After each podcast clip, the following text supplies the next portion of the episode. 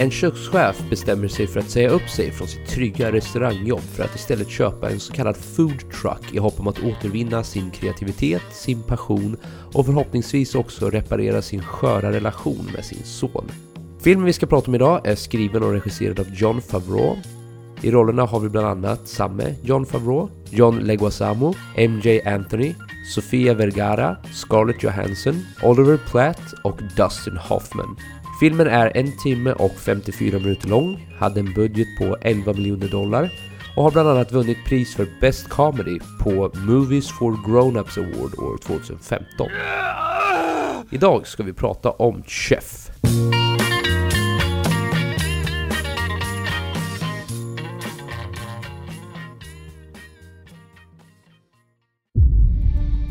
As far back as I can remember, I always wanted to be a gangster.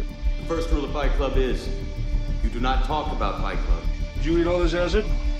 That's right. Music! What is real? How do you define real? Du är leksak! More people than you think, and more people each day. This is a world getting progressively worse. Can we not agree on that? Det finns bara ett ord för sådana som du. Och det är ondska.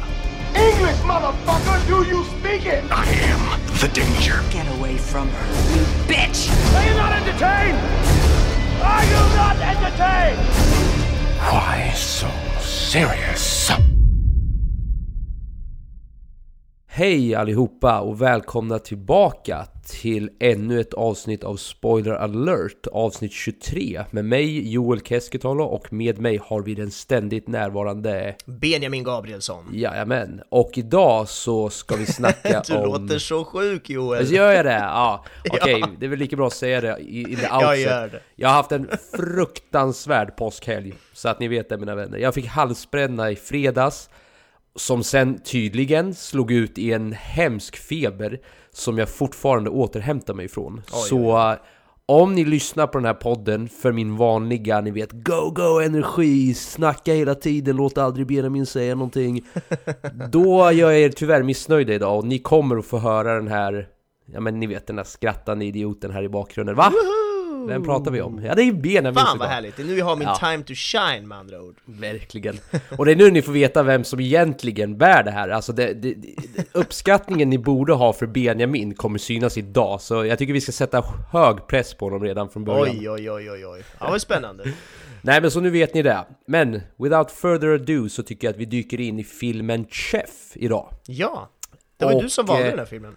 Det var jag som valde den och... Eh, ja. Berätta okej. varför Joel. Ja, nej men så här. jag försöker göra det här med straight face nu också. Alltså, jag, jag nämnde ju det här i förra veckans avsnitt. Och det var ju det att eh, Avengers är ju på G. Mm. Och jag tänkte, fan Robert Downey Jr är ju jävligt nice. Mm. Fan han är en nice skådespelare ändå. Fan vad kul det vore med en film där han var med mycket. Ja. Det vore jävligt kul att se en film med Robert Downey Jr. och så gick jag in på hans IMDB-page.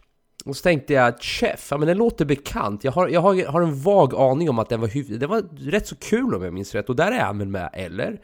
Ja men så du vet, man, man drar på sig den och... Ja, vi kanske inte ska gå för långt här nu, men det, det är på den vägen är det som jag valde den i alla fall. Ja, vad kul. Det var för att få se lite mer av Robert Downey Jr helt enkelt. Ja, det Ja. var egentligen bara därför. Ja, vi, kommer till varför det här är så kul Ja också. det gör vi verkligen, och det har väl Ja, folk ni, ni som redan har sett filmen, Ja. ni vet nog redan varför vi smågarvar här. Han var ju med jättemycket, så att säga. Men eh, jag, jag vill säga här nu, jag vill ge mina spontana Ja. reaktioner som en sorts setup för dig. För det, jag har en liten intressant eh, eh, ja, men historia om min filmupplevelse. Mm. Så du skrev ju till mig, inte en, utan två gånger. Mm. Och frågade om jag hade sett den här filmen. Ja just det. Och bara så att ni lyssnare vet här, Benji brukar vara jävligt tyst när han har sett de film. Han brukar inte säga någonting ärligt talat. Det är ofta jag som ibland brukar skriva Har du sett filmen eller någonting? Ja. Och du, ja, du vet, han ger mig en tumme upp eller så bara, ja, jo absolut det har jag gjort. Men nu frågar han mig alltså två gånger. Då tänker jag spontant att det kan antingen vara skitbra det här eller så kan det vara skitdåligt. så jag tänker, ja, hänger, ni, hänger ni med? Det är liksom, it's one or the other. Det är något av Japp. det, de extrema. så jag drar på den här filmen. Och det tar mig på riktigt fem minuter. Nej okej, nu överdrev jag faktiskt lite. Vi kom, vi kom ut från köket gjorde vi. Det tog, det tog 10 minuter innan jag förstod att jag tror Benjamin hatade varenda sekund av den här filmen. Och nu måste jag hantera det här! Ja, verkligen. Nej, så det var en fascinerande filmupplevelse. Alltså den var ju inte den absolut bästa jag sett. Nej. Får man väl säga. Eh, vad var dina spontana reaktioner? Nej men mina spontana reaktioner var, var eh, att det är en av de sämsta filmerna jag har sett på riktigt länge faktiskt. Det är, det är verkligen så illa. Och eh, jag tror att för mig, jag gick ju inte in med någon speciell inställning alls, utan jag var ju väldigt blank och tänkte, ja, det jag visste var som du sa, Robert Downey Jr, så jag satt och väntade på honom en del och, och tänkte att ja men det, det kan nog bli nice och liksom det, det, det verkar vara en skön premiss, jag gillar det här med kock och hela den uppbyggnaden, det kändes spännande liksom. Det, det kan bära eller brista på många sätt, men jag, jag var med i början och tyckte att nu kör vi, vad kul! Men eh, ja, nej, sen som du säger, det tog inte många minuter innan jag började Nej. sucka och, och desto längre in vi kom så, så bara vad i helvete är vi på väg? Där skrattar man ju till slut, och inte då åt att filmen försökte vara rolig, Nej, snarare åt själva filmen. Ja, och deras exakt. försök att vara roliga. Ja, det var, det var spännande. Vad, ska vi hoppa in eller vad, vad tänker du? Ja, men alltså jag tycker du sätter ju fingret på någonting redan där i öppningen. Att Mm. du säger att det tog ju ett par minuter innan man förstod hur dålig den här skulle vara. För jag skulle vilja hävda, helt ärligt, att den börjar hyfsat. Ja, Alltså den börjar ju med ett så här högintensivt tempo i köket. Mm. Ja men det här klassiska stereotypa bilden man har av kockar. Mm. Eh, eller ett kök generellt, att det är väldigt stressigt och du vet alla skriker på varandra och ja, det är som ett kök Ja, funkar exakt. liksom. Och John eh, Favreau, Favreau, jag har svårt att uttala hans efternamn, vet du hur man säger det? är inte helt klart. Om jag får gissa på att det kanske är lite fransk härkomst så är det nog Favreau, att det låter som ett å på slutet där, så det kan man väl dra till Då kommer jag säga Favreau, för jag kan inte Ja. göra den där ra som du kan. Favreau? Mais oui! Han heter ju Carl Casper i filmen, så vi kan ju vi kan Ja. hålla oss till det om det ska vara enklare. Det, det skulle vi kunna göra. Men, och han, jag tycker han, eh, han passar väldigt bra in i det där köket. Ja, det det tycker jag samtliga gör faktiskt. Jag tycker till och med Scarlett Johansson med hennes cleavage, alltså det funkar där och då, gör det. Mm. Så i början håller jag med dig, jag får så här en, ja men en sån här mjukstart, får jag väl ändå säga. Mm.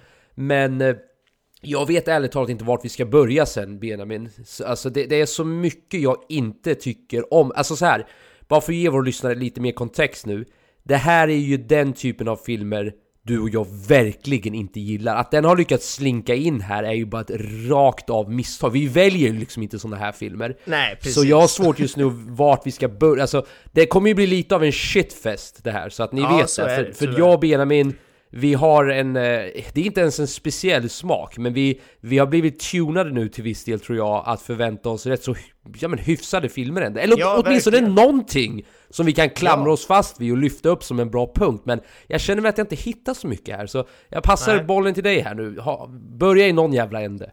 Ja men börja någon ände, ja men det kan jag göra. Jag, jag tänker så här, det, det vi var inne på var ju att den här filmen börjar ju på ett spännande sätt. Det är ju den här kocken och sen är det den här recensionen, den här recensenten som ska komma och bedöma hur de ska, om det ska bli god mat eller inte. Och där känner man ju fan, det här är spännande. Vad händer nu? Ska det handla om att han ska, för man förstår ganska direkt att den första recensionen kommer nog inte bli bra. Det, det sätter ju upp en del av premissen för filmen, Mm, att han precis. måste kämpa för att få en bra recension. Och jag, jag tänkte att det var dit den här filmen skulle gå.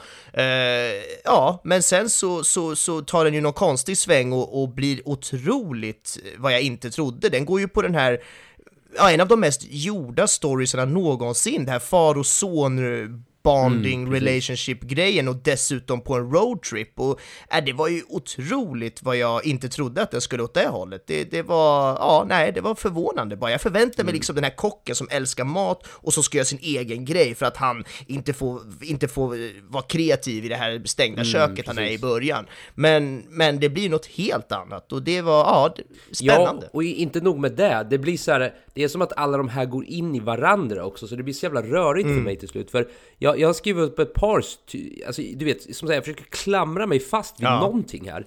För jag tycker vi har, vi har ett intressant tema, det är liksom, det är en kock som lämnar det trygga för att följa sin sanna passion. Ja, liksom. exakt. Det är ju Det är ju spännande. ett intressant Mm. tema. Exakt, det är ju spännande. Det kan man ju följa om man kan se vilka struggles där och Ja, du vet. Det finns mycket den att göra liksom. där liksom med den premissen. Absolut, och jag skulle till och med vilja hävda att det finns också mycket att göra i hela far-son-relationen också.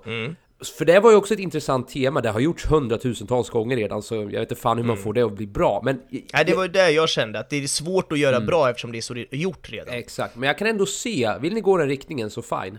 Det var sociala Mm. medier, jag menar det går att lyfta upp det där också och vi kommer komma mer in på vad fan Twitter hade att göra med allt det här men ja.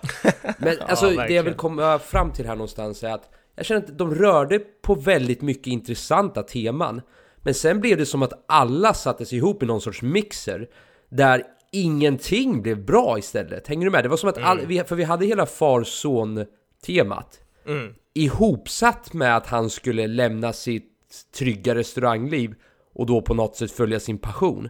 Men det kändes som att inget av de här eh, det var bara inte intressant. Det var liksom ingen, ingen tydlig konflikt någonstans i det här. Det ledde liksom inget till någonting. Han bara dansade sin väg in och det bara löste sig för honom. Du vet, hans restaurang, han fick tillbaka en restaurang, hans sonrelation blev skitbra, han fick tillbaka sin... Ja, det var ju implied i alla fall att hans tidigare fru kom tillbaka. Ja, Så ja. jag vet inte, alla de här intressanta setupsen som hade kunnat bli någonting, de bara... De bara föll pladask för mig. Mm. Jag vet inte, vad tycker du? Nej, jag håller med. Jag tycker verkligen att den, den snuddar vid saker som den tar med en klackspark och sen springer vidare på något sätt. Det är som att den inte ens försöker ta något av de här potentiellt seriösa och intressanta eh, te tematikerna, te temana, te seriöst liksom. Den, den bara, nej, vi, vi, vi, som du sa, in med allt i en mix och röra om. Det var väldigt bra uttryck, för det är precis vad den gör. Ja, eller hur? För det handlar om... eh, Jag tänkte slänga in det så kocktema och allting. Ja men det är ju perfekt ju. Och så tycker jag ju att det är så otroligt många stereotyper med i den här filmen. Alltså det är väl en sån sak, alltså dels att hela den här storyn med father och, f- father and son, ska jag säga nu på svengelska, far och son relationsbonding-grejen, den känns ju väldigt gjord. Men det är ju dessutom så många karaktärer som jag har sett så många gånger tidigare. Jag tänker att jag rabblar upp några stycken, men vi har ju dels den här liksom klassiska bad guyen och den, då, då är ju det i början i alla fall så är ju det den här Dustin Hoffman-karaktären som är liksom superstor känd skådis. Han kommer in och gör en liten roll i början. Han är ju den här lite dumma eh, restaurangchefen eller vad han är som, som bestämmer att Carl Casper inte får laga sin, sin eh, mat helt enkelt utan att han ska hålla sig till det klassiska de alltid har gjort och ja, ha- han är liksom den tråkiga, sura, arga chefen som bara tänker på pengar och är liksom mot kreativ frihet inom konst typ. Ja men den här klassiska chef-styckler-rollen, den där som är by the book verkligen. Vi Exakt, ska göra på ett ja. sätt, vi ska dra in pengar och det här funkar, nu kör vi bara vidare. Precis, Död och att han är sur gammal gubbe också, det är väldigt Precis, klassiskt, ja. så är det ju. Sen har vi ju huvudrollen, Favreau, som, som alltså är Carl Casper i filmen, Mm. och han känns också väldigt klassiskt, stereotypiskt, lite överviktig, tjock kock sådär, Mm. härlig och god och glad på något sätt. Det, det känns trevligt, jag gillar den stereotypen. Men sen blir det ju också det här att han är skitdålig farsa och dessutom är liksom gammal gubbe som inte kan internet. Ja, det, då klämmer vi in några till stereotyper Som till känns lite roliga. Eh, och sen har vi ju också den modellsnygga exfrun som spelas av eh, Sofia Vergara och det känns ju också så typiskt. Hon är liksom sådär extremt snygg, framgångsrik, har värsta villan och mansion. Hon är fortfarande snäll mot sitt ex, men hon lever där borta och gör sin grej och det, ja, Robert Downey kän- Jr också en så här otroligt extrem sån här douchebag-karaktär som bara dyker upp där mitt i allting. Det var vad vi fick se av Robert liksom. Ja, exakt. Och det är också intressant att det är eh, Robert Downey Jr är ju liksom med på, på, på en av de här stora namnen, han står liksom överst på olika listor av vilka som är med i filmen, och jag räknade och han är med tre och en halv minut i den här filmen. Det är helt otroligt. I en film som är alldeles för lång så är han med kortare tid än vad själva eftertexten rullar. Det är helt otroligt hur han kan stå med på alla jävla affischer och allting. Men det är ju såklart, han säljer och så är det med det. Men det är ju ironiskt när du och jag då sitter och väntar på honom och tänker Ja. att ah, ja, det är det. Jag tänkte ju först att typ den här kritiken, Food Critic, för det tog en stund innan vi fick se vem han var. Jag tänkte att det kanske är Robert Downey Jr. Det hade varit spännande liksom, men, Exakt. men nej, han exakt vad jag tänkte också. Ja, du tänkte också det? Mm. Jag vill, inte, jag vill inte att vi brushar av den här poängen direkt. Jag vill att vi stannar här ett par minuter. Ja. För jag skriver i mina notes här att jag känner mig lurad! Utropstecken. Ja. Alltså, vi har stoppat in här John Favreau, som jag inte Mm. kan uttala namnet på. Vi har stoppat in Scarlett Johansson. Vi Mm. har stoppat in Dustin Hoffman. Vi har stoppat in Robert Downey Jr. Alltså det, det här är A-list skådespelare Ja. som antingen är med i, vad var det du sa, tre minuter och Ja, tre och en halv minut är Robert Downey Jr. tre och en halv minut eller har så platta och förutsägbara roller att Ja. vad fan har ni det här namnet? Va, vad- det är ungefär som att ta ner en NHL-spelare och be han spela för division 4 i, eh, du vet, Örebro Hockey. Ja. Alltså det är så här, vad gör han här? Det, här? det är inte den här arenan han borde existera på. Hans potential går ju, det förbrukas ju på fel plats. Nu vet inte jag om det här var en bra liknelse, men jag känner bara att jag känner mig lurad som sagt. Ja. Jag blir infiskad. Alltså betet är ju alla de här A-list skådespelarna. För mig är det här ett safe bet att det här kommer bli i absolut värsta fall så kommer jag få se en bra performance av Robert Downey Jr. Vilket var min fucking poäng med att välja den här filmen. Jag blir så fysiskt upprörd Ja. över hur lurad jag känner mig av allt det här. Nej, jag förstår dig, 100% Och det som är ironiskt på något sätt är ju att hans karaktär, den är lite stereotyp och så, men, men jag tyckte ändå att av alla de här stereotyperna, jag kan, jag kan läsa upp ett par till här som jag hade också förresten, jag kommer tillbaka till Robert Downey Jr. alldeles strax. Ja, ja. Eh, vi har ju även såklart den här spansktalande, alltid superglada vännen och kollegan som släpper allt för att ja, ja. hjälpa liksom sin chef slash kollega och det känns ju också så här, jaha, släpper hela sitt liv bara för att hjälpa den här andra snubben och alltid superglad och liksom så här pratar spanska och ah, det, det är så många grejer man har sett så mycket förut men ja, ja, jag, jag, jag går vidare. Vi har även sonen. Det är liksom, han är den här typiskt jobbiga ungen och jag säger jobbiga bara för att på marknaden där i början när han tjatar till sig och får följa med farsan på marknaden, ja, då gör han ju det enda som pappa sa åt honom att inte göra, det vill säga att gå och tjata om att han skulle köpa någonting. Då är han ju skitjobbig, vad fan! Och dessutom då så ska han ju vara svinduktig på internet då, motsatsen till farsan, så att de perfekt kan banda över det sen då. Så att det var ju eh, perfekt. Och sen har vi ju Scarlett Johansson-karaktären som är den här lite coola, snygga vännen som vi inte vet om det är en flickvän, eller en kompis, eller en kollega. Vad är det för något? Hoho, det är galet, men det är Som spännande, helt hon är med. och superintresserad av honom, precis som hans Ja, exfru är. Precis som exakt. alla är helt så här mystisk dragningskraft han har på allihopa. Precis, och liksom lagar han så jävla bra mat? Ja, Ja, men då eller hur? För vad fan har, på den där vad har han annars som förtjänar den uppmärksamheten? Han är ju en så extremt osympatisk karaktär ärligt talat. Exakt! Jag, pra jag pratar nu om Carl. Casper, alltså John Favreaus Ja, jag är med dig, jag är med dig. Och det, ja, jag håller helt med. Och det är ju så, det är ju så många olika stereotyper. Och av alla de här så är ju egentligen Robert Downey Jr-karaktären nästan min stereotyp. Han känns ändå lite galen, Mm. kommer in där och är någon slags konstig gammal exfrus exman och, och är liksom skön och rolig. Och det jag landar i istället är väl just att man känner sig lurad på att han bara är med tre och en halv minut Mm. och att det dessutom är den superklassiska Robert Downey Jr-karaktären. Det är det du vet, den här snabb, Ja, snabbhoppande mellan olika samtalsämnen och åh, vadå, ska, ska du ha den här? Vänta, fick jag barn? Ja, eller? Oj, mm, oh, Ja, oh. exakt. Och det är liksom typiskt Robert Downey Jr-grejen. Och jag, jag vet, man gillar ju den, man älskar ju den, men jag ställer mig också frågan så här, ja, kan, kan han göra något annat? Finns det något annat i den här Robert Downey Jr? Jag vet inte, och det är inte det vi ska lista ut här idag kanske, men ah, det är många sådana där grejer som, som redan på pappret sätter det liksom att nu, nu, det här är svårt att få rulla hem när vi har så här många olika klassiska karaktärer och stereotyper. Ja, alltså ja, antingen så ska det här vara cameos, hänger du med? Att de, de ska inte uppmärksammas i hela marketingprocessen Ja. och när de väl dyker upp, då kanske de gör det som Robert Downey Jr. Men jag fick ju den här, och jag har kollat upp så här hur den här filmen har promotats tidigare med trailers och med posters och liknande. Den är ju för fan såld som att de här kommer vara med i den här filmen och det, Ja, det är för mig straight up att lura folk. Alltså s- ju sätter du en person på en poster som sen är med i tre och en halv minuter då är det falsk marknadsföring, ärligt talat. Ja, jag är helt med. Och det är väl ungefär så de har jobbat. För mig känns det ju som att det, för det är John Favreau som har liksom allt med den här filmen att göra. Han har ju skrivit, han har ju regisserat, han är med i huvudroll, han är typ producer på något hörn också. Och han det är ju känns som- kompis med Robert Downey Jr. Precis, det är ju det. Det känns ju som att han bara har fått massa pengar från Twitter och sen typ okej, men nu, nu hoppar vi in här och jag behöver ha med er och er och er, ni får fett med pengar och sen så kan vi bara latcha för att det, det säljer ändå liksom. Så känns det ju. Eh, ja, och det funkade inte riktigt om jag får vara ärlig. Nej, du, du, du sa en grej där i slutet också. Vad var Twitters hela deal i allt det här? Ja, vad För är förstår- det? Alltså för mig är det här bara en enda lång Twitter-reklam. Eller hur? Alltså jag frågar dig Ja. legit nu om du vet vad hela dealen var med Twitter i allt det här. För inte nog med att de nämnde det någon gång då och då. Alltså Twitter var ju centralt i andra halvan av filmen. Det var ju bärande. Det var ju bärande, Ja, precis. Och det var inte så att det... Alltså, Verkligen. jag förstod ju storymässigt varför den var bärande. För det synkade ju rätt så bra eftersom, du vet, de behövde marknadsföring, internet är den optimala marknadsföringsplatsen, jada jada. Ja. Men det kändes liksom inte som den typen av film där Twitter skulle få en så bärande roll. För det var ingen nyans heller i vad Twitter kunde vara. Nej. Om de skulle introducerat det då, för det jag gillade lite med det, vad, vad de började att öppna upp, det var när han fick så mycket bad reviews där i början. Ja. För då tänkte jag, okej men det här, här kan vi utforska någon sorts eh, balans mellan hur bra sociala medier kan vara och hur dåliga sociala medier Ja, kan precis. vara.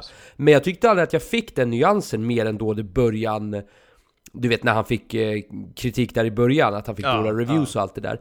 Sen var det ju bara en straight up Twitter-reklam basically. De visade liksom alla funktioner som gick att göra, de visade hur många följare, Ja. de visade hur... Och det här vet ju vi redan, så det är inte så att vi behöver säljas in där. Och det här var ju förvisso 2014, men jag vet inte, var det här bara någon jävla Twitter-kampanj eller? Ja, alltså för mig känns det i 100% som det. Det här är ju klassiskt sånt där man ser då och då i filmer där det är ett företag som kommer in och är med liksom stora delar av filmen och här är det ju dessutom inte bara att liksom en logga syns, utan precis som du säger, här är det ju karaktärer som, som berättar om hur de fysiskt och faktiskt gör när de är inne på Twitter och hur, hur de säger åh jag älskar det. Och de här två kockarna i köket står och skojar om att you get the pussy on Twitter, Ja, haha eller hur? och sen typ så här, så ska de ändå få med att nej nej nej, det är inte riktigt det det handlar om, fast det är lite det det handlar om, fast egentligen så kan man göra massa annat, och det är ganska viktigt, och det, jag älskar Twitter, och det, det var så många kommentarer på rad där jag blev så här: wow, wow, wow, ni, ska ni, ska ni hålla upp en skylt där det står vart man kan gå in och, och, Ja, eller och anmäla sig? var, Ja, det var så otroligt mycket, och sen som du säger att det är under hela filmen, speciellt andra halvan av filmen, så är det olika, de här, det kommer ju upp små fåglar, det kommer upp loggor, det kommer upp, hela tiden påminns vi både verbalt och så här synligt bara hur, hur Twitter fungerar och att det är med oss i hela filmen, så att, äh, men det, jag kan inte utesluta den och säga att det här måste vara en jättedeal och en jättekampanj. Och ska jag vara ärlig så har jag varit inne och tjuvläst lite på Trivia, så jag såg att en av dem handlade om att eh, Favreau, regissören och, och författaren och allt vad han är, han har ju gått ut och sagt att nej, det här, vi har inte fått betalt av Twitter. Nej, men det tror jag inte en sekund på. Varför skulle man då ha med bara Twitter i hela den här filmen som är en sån här stor grej? Det känns som att det, det, det, det funkar liksom inte så. Varenda produkt som är med i en film är där för att de har valts ut för att det är pengar bakom det. Så funkar filmvärlden. Ja, annars försöker man ju hela tiden att undvika det. Det är ju, det är ju bilden Ja, jag men har av det här i alla exakt. fall. Nu, nu ska jag vara helt ärlig att jag är inte jätteinsatt på just hur marknadsföring funkar eller inte funkar i filmen. Men om det är någonting jag vet så är det att de brukar vara... Det, det brukar ju vara en meme, att varje gång man ser en Coca-Cola-logga i bakgrunden så brukar jag typ ah, sponsored by Cola, you fucking Ja, sell men out exakt. och så Så, vidare. är det ju. Den Och det är ju en colaburken är meme- inte där av en slump. Så är det. Nej exakt, för det, det, det är ju en meme då av en anledning, för folk tycker Ja. ju det är lite, ja men det är lite såhär sellout att göra så. Här var det ju inte ens, alltså det fanns ju inte en, det fanns ju inte en tillstymmelse Nej. till att försöka dölja det. Och hade man försökt dölja det utan att dölja det, det vill säga till exempel att väga upp det och ha med andra sociala medier också, så hade man ju köpt det lite mer. Men här är det ju bara Twitter i hela jävla filmen. Det är en gång de pratar lite om Vine, den här andra tjänsten där man lägger upp sju sekunders videos. och gissa vem som äger den? Twitter. Det är dotterbolag till Twitter. Så jag menar, det, det, inte ens där gick det ju. Så att nej, det, det, det måste vara en jävla superkampanj bara. Och, och eh, Favreau kan säga vad fan han vill om att de inte har fått betalt, men det tror jag inte en sekund på. För det här, så här mycket gratis reklam gör man inte åt ett företag. Det finns ju inte. Varför skulle han göra det? Jag vet inte, men låt oss röra oss vidare till en annan punkt som jag tänkte bolla lite snabbt bara. Ja. Vad tycker du om humorn i den här filmen? Nej, jag, jag, jag fattar knappt om det var någon humor. Som du sa, jag skrattade ganska mycket i filmen, men då var det att jag skrattade åt filmen för att den var så dålig. Jag tyckte knappt att den var rolig. Alltså jag, jag, jag tror jag drog på läpparna ett par gånger av att det var lite, lite, lite roligt, men knappt någonting alls. Jag blev förvånad när det stod att det här var en komedi efteråt. Men det kan ju vara jag som är skittråkig, uppstoppad och inte har någon humor, Ja. så kan det ju också vara. Det är ju det jag tror, för jag satt ju Ja. och garva hela tiden. Ja, det är så. Nej jag skojar. Nej, Där fick jag, du mig. fick jag verkligen. Jag, jag är ju mest bara... Jag är, jag är lite nyfiken här nämligen, för det kan ju också vara ens egna... Alltså för nu, nu tycker jag väl att lyfta upp en del story, så att, olika teman, brist på en ordentlig story. Vi tyckte att vi, vet, marknadsföring och liknande. Ja. Och det är ganska tydliga punkter vi kritiserar här, men nu när det, när det har med humor att göra, för mig landar ju det lite mer som en smaksak, hänger du med? Ja, Så, så jag, jag har i mitt huvud börjat bollat med tankarna att är det bara jag som inte har den här typen av humor? Ja, men det skulle ju kunna vara så. och sen, sen när jag funderade lite mer, och då vet jag ju definitivt att du inte heller skrattar åt den, för vi, Nej. vi tenderar ju att tycka ungefär Ja men liknande humor i alla fall. Ja. Och så tittar jag på lite reviews bara för att få mig lite en eh, bredare perspektiv över vad folk Mm. tycker. Och det jag fann intressant då när jag tittade, det är att det är väldigt svartvitt okej. på reviewserna. Att det börjar så här med 10 av 10 vet du, bara, wow en så jävla feel good film och vi mår så bra, den är så rolig. Och det är någon 9 av 10, 7,3 av 10, du vet, det går vidare. Och sen helt plötsligt kommer en 2 av 10 och bara Boring pointless film, do not watch this. Var det jag som skrev Du vet den? ja, ja Benjamin Gabrielsson, ja, exakt. Men så bara scrollar man ner, då är det några såhär 2 av 10, 1 av 10 och de landar i, ja, dels lite av de grejerna vi har pratat om, jag läste inte jättenoga men min poäng med att lyfta upp allt det här Förutom de punkter vi har pratat om, tror du att det går att säga att den var legit dålig? Eller har det mer med en smaksak att göra? Förstår du vad jag fiskar Ja, jag efter? förstår absolut, och jag tycker att den är legit dålig, och jag har lite tekniska grejer också som jag kommer komma in på som jag tycker att den inte heller gjorde bra, men det är framförallt att det finns så många brister i hur man berättar och i hur man eh, så här, ska göra en intressant story. Det finns så många enkla genvägar och lösningar och bara så här, sett saker vi har sett tusen gånger tidigare, vi gör det igen och bara att det handlar om en kock den här gången istället för en polis eller vad fan det handlar om i alla andra såna här fader och son-filmer och så vidare. Just att det är så enkelt de har gjort allting. Det känns som att de har ansträngt sig noll. De har lagt alla de här pengarna de har fått in, eventuellt från Twitter, har de ju bara lagt på att få in Robert Downey Jr som ska stå och stamma i fyra minuter. Det, det Ja, liksom, eller, eller Scarlett Johanssons cleavage. Ja men verkligen, det det är ju där de har lagt pengar på. Det känns ju inte alls som att de har lagt på manus eller försöka göra en intressant story eller någonting. Och ja, det beror ju, humorn i sig tror jag beror mer kanske på att det inte riktigt är våran smak. Men filmen överlag som helhet, nej, där tror jag inte det handlar om smak. Där tror jag det handlar om att det här är en riktigt dålig film som, som passar eh, en crowd som, som kanske inte riktigt är kritiska och, och kanske tycker att eh, en film är dålig just av de här egenskaperna. Och ja, nej, då är den väl kanske inte dålig just med tanke på vad de tycker. Men Nej, om jag ska jämföra med vad, vad jag tycker att riktigt bra film gör bra så är den här långt, långt, långt åt andra hållet. Ja, för det här kommer låta extremt ytligt också. Men jag har ju aldrig varit ett fan av John Leguizamo. Jag tror man säger det så. Han Vem är det nu igen? eh, Sous-chefen, han som följer med Carl Casper, han som släpper allting och följer med honom på foodtrucken Ja, allting. just det, just det. Just Jag det. vet inte vad det är ärligt talat, det är någonting med hans humor som inte alls tilltalar mig. Alla filmer jag, och han har gjort en hel del grejer ska verkligen Ja, det. understrykas. Hans, hans IMDB-register är långt, mycket så här tv-serieavsnitt också. Ja. Så he's been around. Så jag vill inte på något sätt klanka ner honom generally, jag bara säger det att jag I can't stand him. Alltså, jag tycker hans, hans excentriska humor går inte alls hem hos mig. Och jag kände att mycket av hans excentriska humor var också den humorn de spelade på i den här Ja, filmen. exakt. För jag tyckte till och med, alltså för det sken igenom hos flera karaktärer. Den Mm. här ganska, ah, du vet- hon eh, Sofia Vergara. Ja, Hennes karaktär, hon hade också någon sån där när de pratade om Robert Downey Jr. Ja men du vet hur jag blir och du vet vi blir så känsliga och vi dricker ett så här. Ah, alltså det tilltalar inte mig alls. Jag bara sitter Mm. Nej. och cringear. Samma sak när, när Carl Casper och Martin då, John Favreau och eh, John Leguizamo, jävlar två svåra namn för mig att säga det. eh, alltså när de två blir excited över någonting. Och, Ja.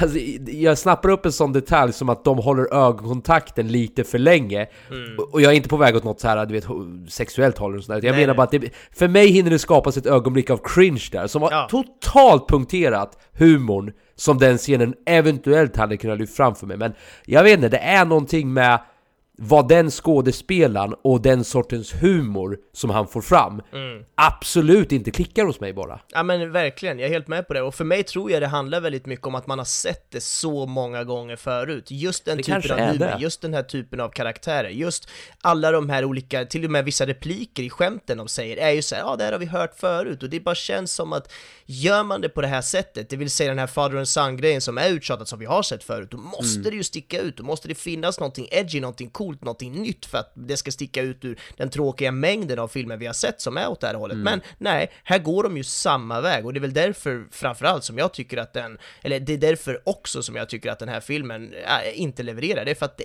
är så uttjatat. Det kommer med noll nytt och då, ja, men då kommer den ju inte vinna någonting hos mig. Det är ju som att ta en, en soppa och säga att jag har gjort den fast det var egentligen min mamma som gjorde den bara för att jag hällde i tre basilikablad på slutet. Det funkar ju inte Nej. så. Det, det, äh. Och så säljer du den som att det här är den absolut sjukaste och du har, så, du har helt nya ingredienser i det och det kommer vara en... Ja, och, och Precis. nej, det var inte så. Det var inte det. Och jag skulle kunna dra en liten grej till här bara. Det här, ja men det är ju det här klassiska far och son-grejen jag tjatat lite om nu och, och att de ska banda och bli det här, ja, och, det, och dessutom på en roadtrip. Det känns väldigt gjort, det har jag sagt nu några gånger. Och för att få det här att flyga då, så, så för att det ska gå ihop för dem, så har de ju tryckt in montage efter montage efter montage. Och montage innebär ju egentligen mer att du ser flera bilder som är ihopklippta på ett litet tjusigt sätt där man hör musik till och där man förklarar att nu går tid framåt. Och det kan till exempel vara att de städar upp hela den där eh, skåpbilen. Och då ser man att de liksom lyfter ut någon grej och så klipps det. I olika jump cuts, alltså att det klipps som att det bara hoppar lite hit och dit. Och då förstår man som publik att ah, tid går och, och de har kul och, eller de har tråkigt, alltså det, det är klassiskt grepp att använda i film. Och jag har ingenting emot montage. Förra veckans film som vi poddade om, Patterson, använde också montage, men på ett väldigt sparsamt sätt som, som hjälpte till för att förklara poesin i den filmen och dikterna i den filmen. Här kändes det ju bara som att de har tryckt in montage efter montage efter montage bara för att de inte har något annat sätt att berätta det här på, bara för att de inte har eh, kommit på att, ja men vi kan göra det här intressant istället. Nej, vi måste bara gå vidare, vi måste bara komma framåt, komma framåt, komma framåt. Det är som att de drar igenom oss genom en jävla sörja som vi ska skynda oss igenom fast det nästan inte går att skynda oss igenom för att den är så tjock och jobbig att trampa i. Det var otroligt eh, tråkigt tycker jag bara. Dessutom så tyckte jag knappt att den hade några vändpunkter och liksom ingen, inget utmanande. Allt var så självklart. Nej, och det, var, det var det jag menade förut när, när jag sa, förlåt Ja. om jag avbröt dig nu, men det var det jag menade förut när jag sa att eh, det bara löser sig för dem hela Ja, eller tiden. hur? Allt bara löser sig, du vet, det var inga konstigheter att lämna det där jobbet. Ja, det är klart att du ska få en liten skåpbil som du kan åka runt med. Ja. Fan, det är klart att din souschef kommer tillbaka. Din son, du beter dig som en douche mot honom. Ja men det är lugnt, han kommer, bara du liksom umgås lite med honom så är det inga konstigheter. Ja men exakt, det var ju till och med så att jag hoppades på, kan du fan, kan du inte bara få punktering eller någonting så vi bara kan få någon liten vändpunkt? Till och med den här polisen som Ja! skulle alltså eventuellt då sättas... Till och med där blev ju värsta vändningen och det blev skitbra för honom istället. Ja, det blev ju istället promotion typ för att sonen la ut bilder på polisen på, på, på Twitter där, så att det blev ju liksom värsta grejen av det. Allting blev bara positivt. Och om vi ändå ska gå in på positivt, då måste vi ju också nämna slutet. Vad är det som händer? Det är alltså tack vare någon slags felsägning på telefonen så slutar det med att frugan då, exfrugan som hon är, Ines, som spelas av Sofia Vergara som vi har nämnt nu några gånger, hon bara för att de råkar säga lite fel på telefonen så blir de helt plötsligt typ kära igen. Hon börjar jobba, hon är jätteupptagen med sitt olika företag och har den här stora mansion, det går jättebra för henne. Hon har helt plötsligt tid att börja extra knäcka i deras jävla foodtruck och dessutom då så ska de gå och gifta sig i slutscenerna. What?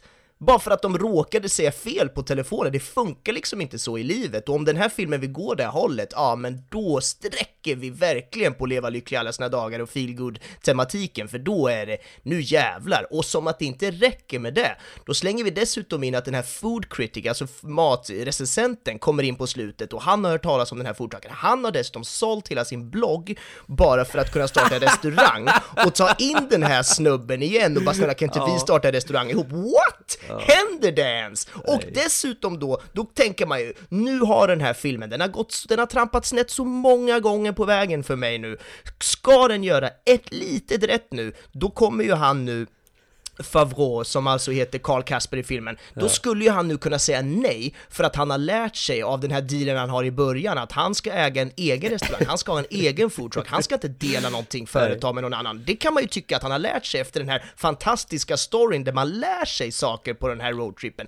Men nej, han säger ju ja sekund ett, han är ju glad och vänder sig till kollegorna och Ja, bara ja, “That's ja. our new colleague” och jag vet, jag håller ju på att flippa, jag vet inte vart jag ska ta vägen. Hur mycket grejer kan gå rätt på ett sånt tråkigt sätt? Ja, Ja.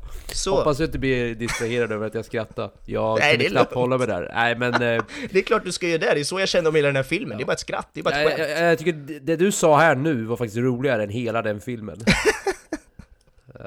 Jag vet okej, inte om men- det är bra eller dåligt, men ja, Jag absolut. tänker, du, du sa väldigt mycket där som jag hade tänkt att lyfta upp också, så jag, Ja, jag vill bara sorry. lägga in en liten... Ja men det är lugnt, ja, du sa det på ett väldigt... Som sagt, jag har inte energin för att kunna göra det du det kanske var gjorde, bra att jag väntade på Det det. var skitbra. Men jag vill, jag vill, eh, innan vi går mot det tekniska, Ja. för jag känner att vi, vi, vi börjar väl bli lite klara i vår sågning här. Absolut. Jag vill lyfta upp lite vad den här filmen hade kunnat blivit. Ja, spännande. Mm. I mina ögon i alla fall. Jag hade lätt, som jag sa tidigare, jag, jag tycker de här alla de här olika teman vi har pratat om idag är enligt mig intressanta teman, Mm. även om de kanske har arbetats tidigare. Men jag tycker att avsaknaden på konflikt, riktig konflikt, riktigt relaterbar konflikt, relaterbara beslut Mm. som får konsekvenser är vad som är en av de mest saknade huvudingredienserna, om jag får slänga in ännu en matreferens. Ja. Ta till exempel att han i slutändan får valet mellan att, alltså för det här föreställde jag mig skulle hända, Mm.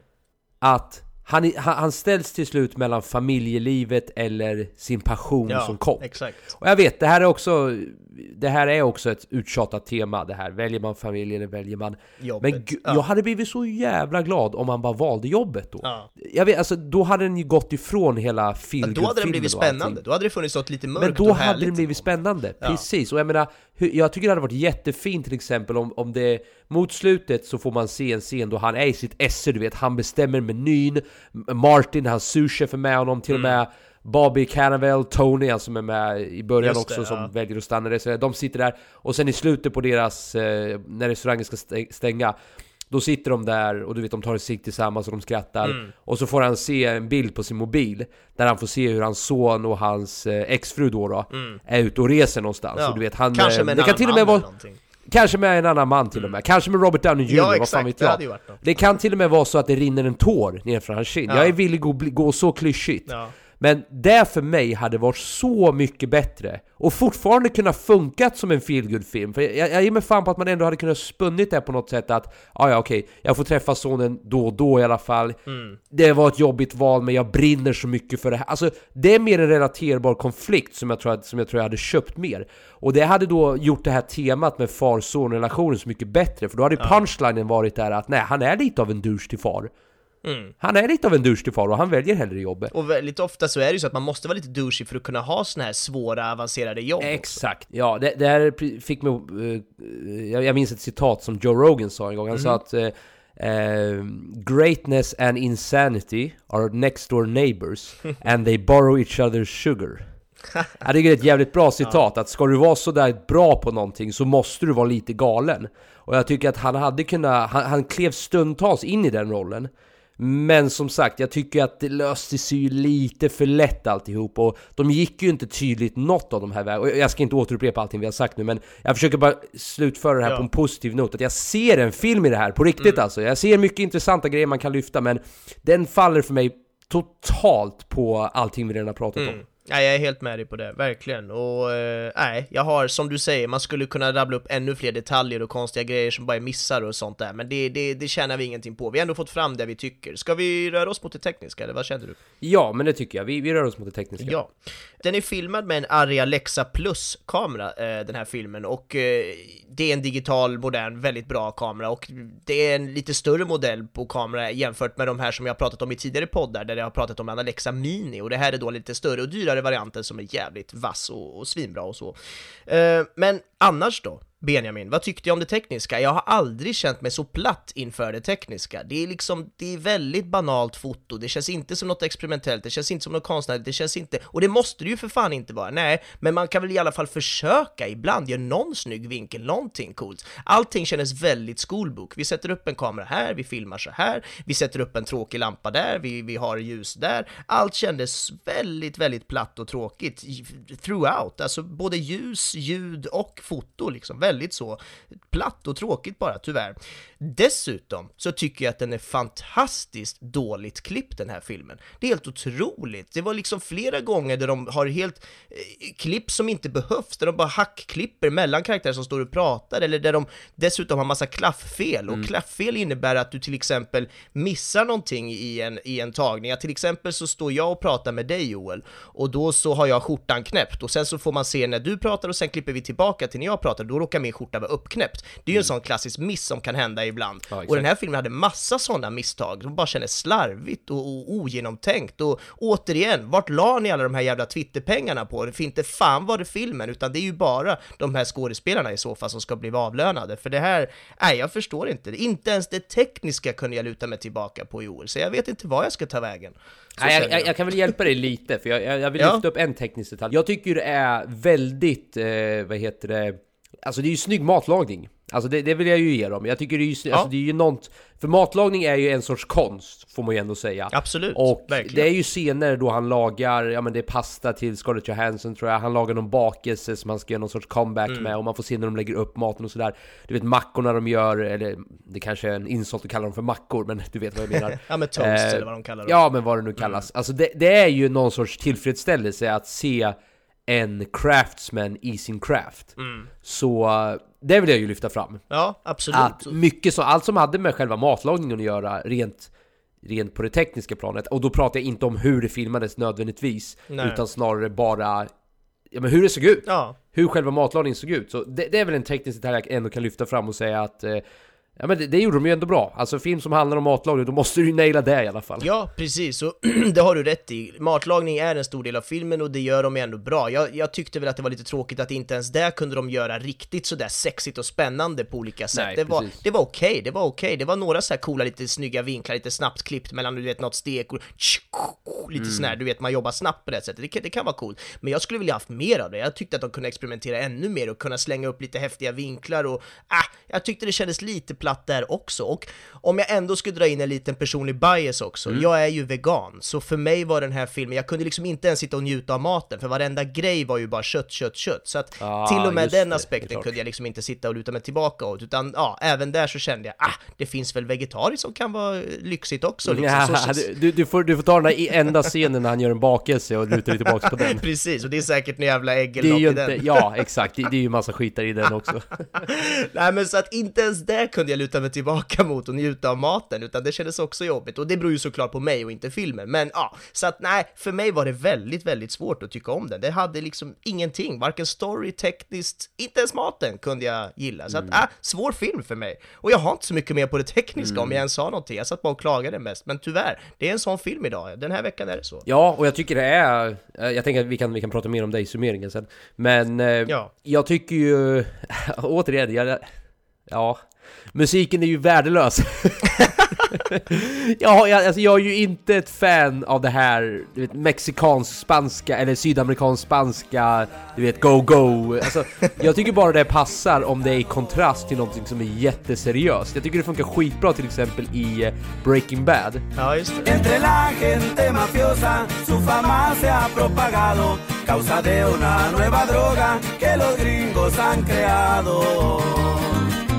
Jag, jag, jag förstår ju obviously inte lyri lyricsen för de sjunger ju på spanska.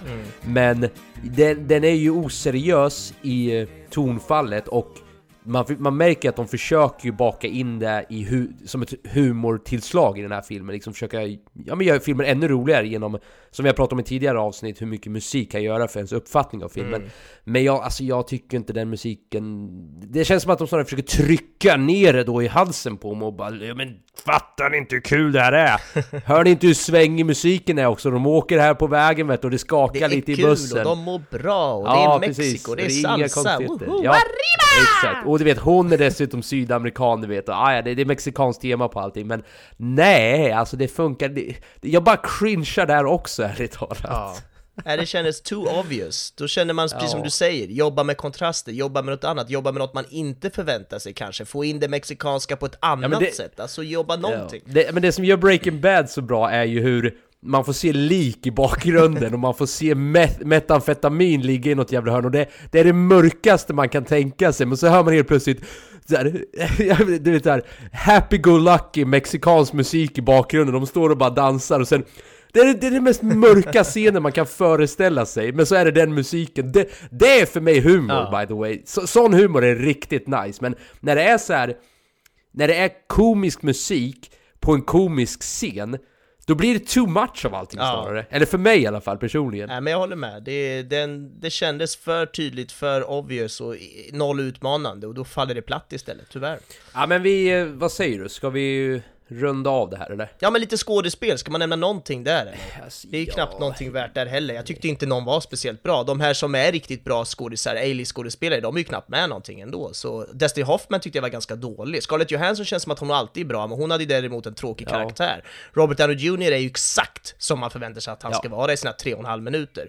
Så jag, det kanske inte finns så mycket mer. Så jag tycker han ungen var jävligt bra. Han tyckte jag gjorde bra Ja men ungen och sen stundtals delar, deras relation, deras, eh, och då menar jag hans pappa då, Carl Caswell eller. John Favreau Deras eh, dynamik mellan varandra kunde jag stundtals uppskatta. Det är ju det är ju en scen när när eh, sonen då, Percy, Mm. han säger Varför ska de klaga på det här? De får det ändå gratis. Och han bara, "Ah, lyssna här nu.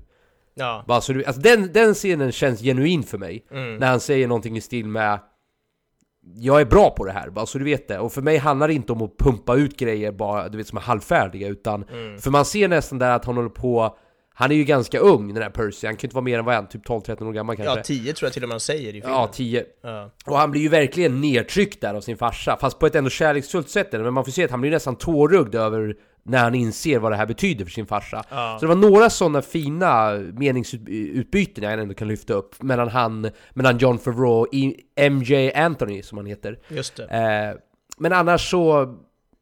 Ja, Oliver Platt tyckte jag var lite kul också som food critic. Jag tycker scenen när han sitter där och ser skeptisk ut till att maten kommer, det tyckte jag faktiskt var lite kul nu när det slår mig. Bara hans ansiktsuttryck när han ser Aha. den, bara what the fuck är det här för skit?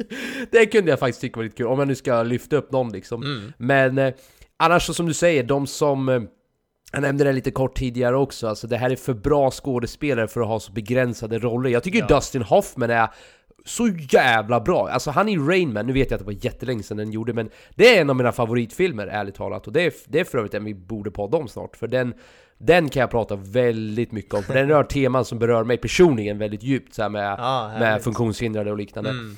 Men eh, vi ska inte gå in på det nu. Men eh, nej, annars, jag håller med dig, jag har inte så mycket att lyfta på skådespelarinsatsen förutom det jag nyss sa. Nej, nej, men jag håller med. Vi går vidare. Ja, så ska vi summera upp den då? Ja. Ja, alltså behöver ni höra en skrattar bara. summering eller? Nej, behöver man ens? En jävla skitfilm. Twitterreklam är det jag satt och tittade på. Så känner jag. Ja, eh, jag, jag är väl lite mildare då. Jag, jag, jag känner på något sätt ett ansvar eftersom jag trots allt valde den här filmen. Så jag vill ändå säga att ja, men den hade en del intressanta element Mm. som hade kunnat blivit någonting. Men tyvärr tycker jag att den blev för förutsägbar, för platt och bara för tråkig. Jag, ja, den, den träffade verkligen inte rätt hos mig och som ni har hört, inte hos Benjamin heller. Nej, precis. Jag kommer inte återupprepa någon mer. Ni har förstått vad jag tycker. Eh, min favoritscen är den där scenen jag nyss nämnde, när eh, Carl Casper konfronterar sin son och säger Everything that's good that's happened to me in my life came because of that. I might not do everything great in my life. Okay, I'm not perfect. I'm not the best husband. And I'm sorry if I wasn't the best father. But I'm good at this. And I want to share this with you. I want to teach you what I learned.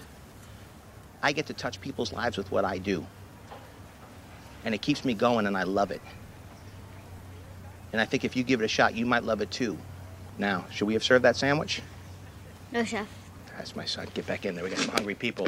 He's ready to cook. eh, Det kändes som en real moment mellan de två, så i all den här clusterfucken så lyfter jag upp den. Härligt. Jag, eh, jag hittar ingen. Jag kom inte på en enda jävla scen som jag kände att jag, här, nu jävlar, här har jag någonting att lyfta. Jag, tyvärr, det låter skittråkigt att jag inte ens kan plocka ut en Ja sån men då får du scen. lyfta ett eh, exempel på någonting som är dåligt då. Alltså lyfta upp någonting du tycker är värt att...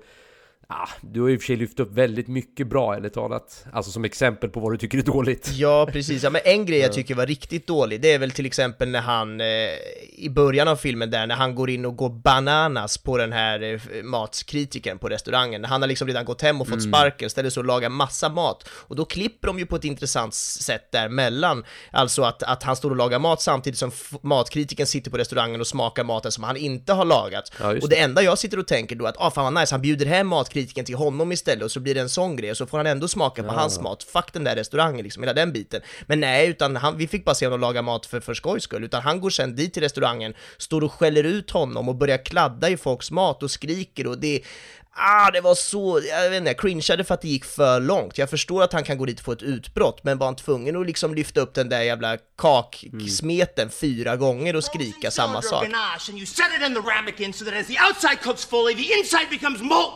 It's fucking molten, see? It's fucking molten, you asshole. My shit was molten!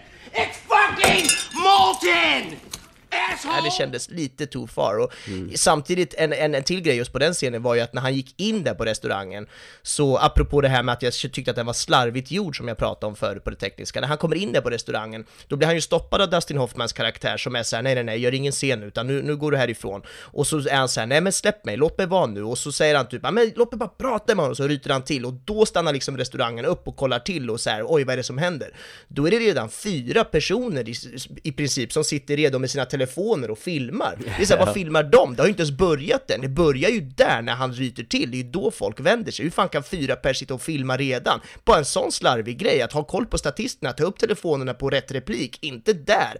Är så jävla slarvigt bara. De kanske, de, de kanske har, de är så otroligt sensitive till drama Så redan, redan de hörde redan hur, så tonen hans fötter gjorde ifrån sig när han gick med bestämda steg fram till den här, eh, så här food De hörde redan tvärniten bara på parkeringen. it's gonna happen, något kommer hända här, ja, exakt, och så upp med mobilerna vet du, och sen skriker han, de bara okej vi får med allting, det här är perfekt Nej, det var, nej, det var larvigt. Fast så att nej. nej, jag landar i att det var en av de sämre scenerna då. Så får vi säga, det var ett nytt Har du, nytt har du tänkt på förresten att den scenen blir ju väldigt meta med tanke på allt vi har gjort idag? För det han säger här, vi är ju matkritiken exakt. på ett plan.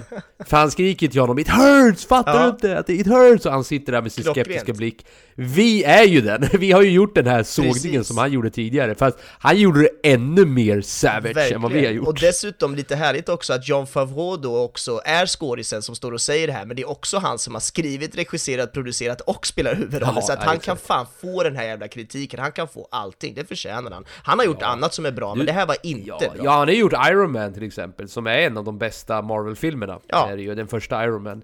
Och jag menar, han är ju duktig på det här. Men han kanske tog, han kanske tog, eh, tog sig an lite för mycket den här gången. Jag tror tvärtom. Jag tror att han tänkte, ge mig snabba cash. Hej Twitter, ge mig det här Ja, och så ringer enough. jag mina vänner Robert Downey Jr, Scarlett och de här och sen kan vi bara glida in och göra en enkel film. Jag tror att bara det var det han tänkte. Det här gjorde han på en månad när han satt och runkade. Nej, så ska jag inte säga, men det var något åt det Det här för mig, det, här, det, här, det du precis sa fick mig att komma ihåg det du sa en gång om ehm, World War Z.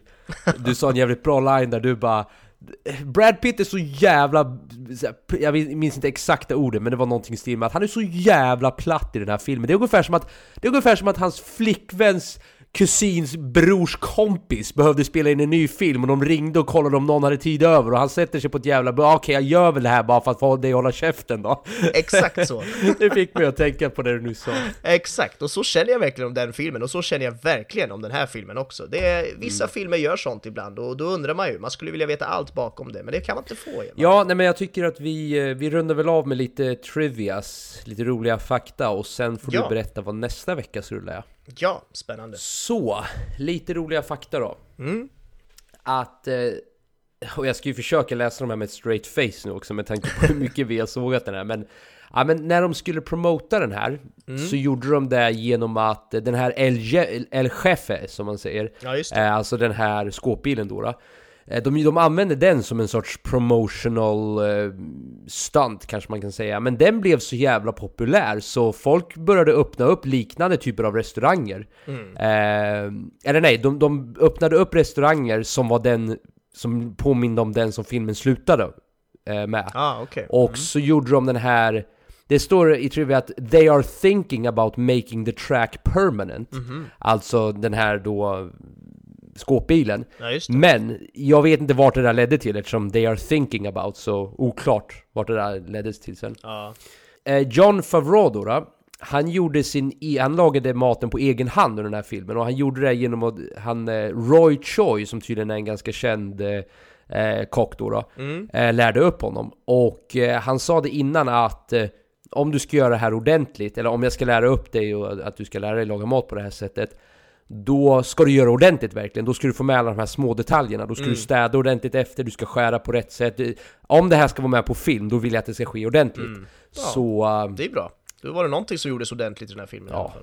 Ehm, det är en eh, kort liten scen när Carl Percy, alltså John Favreau och eh, jag, tror att, jag tror att jag har sagt hans namn olika varje gång nu, så bear with me allihopa, ni vet vem jag pratar om.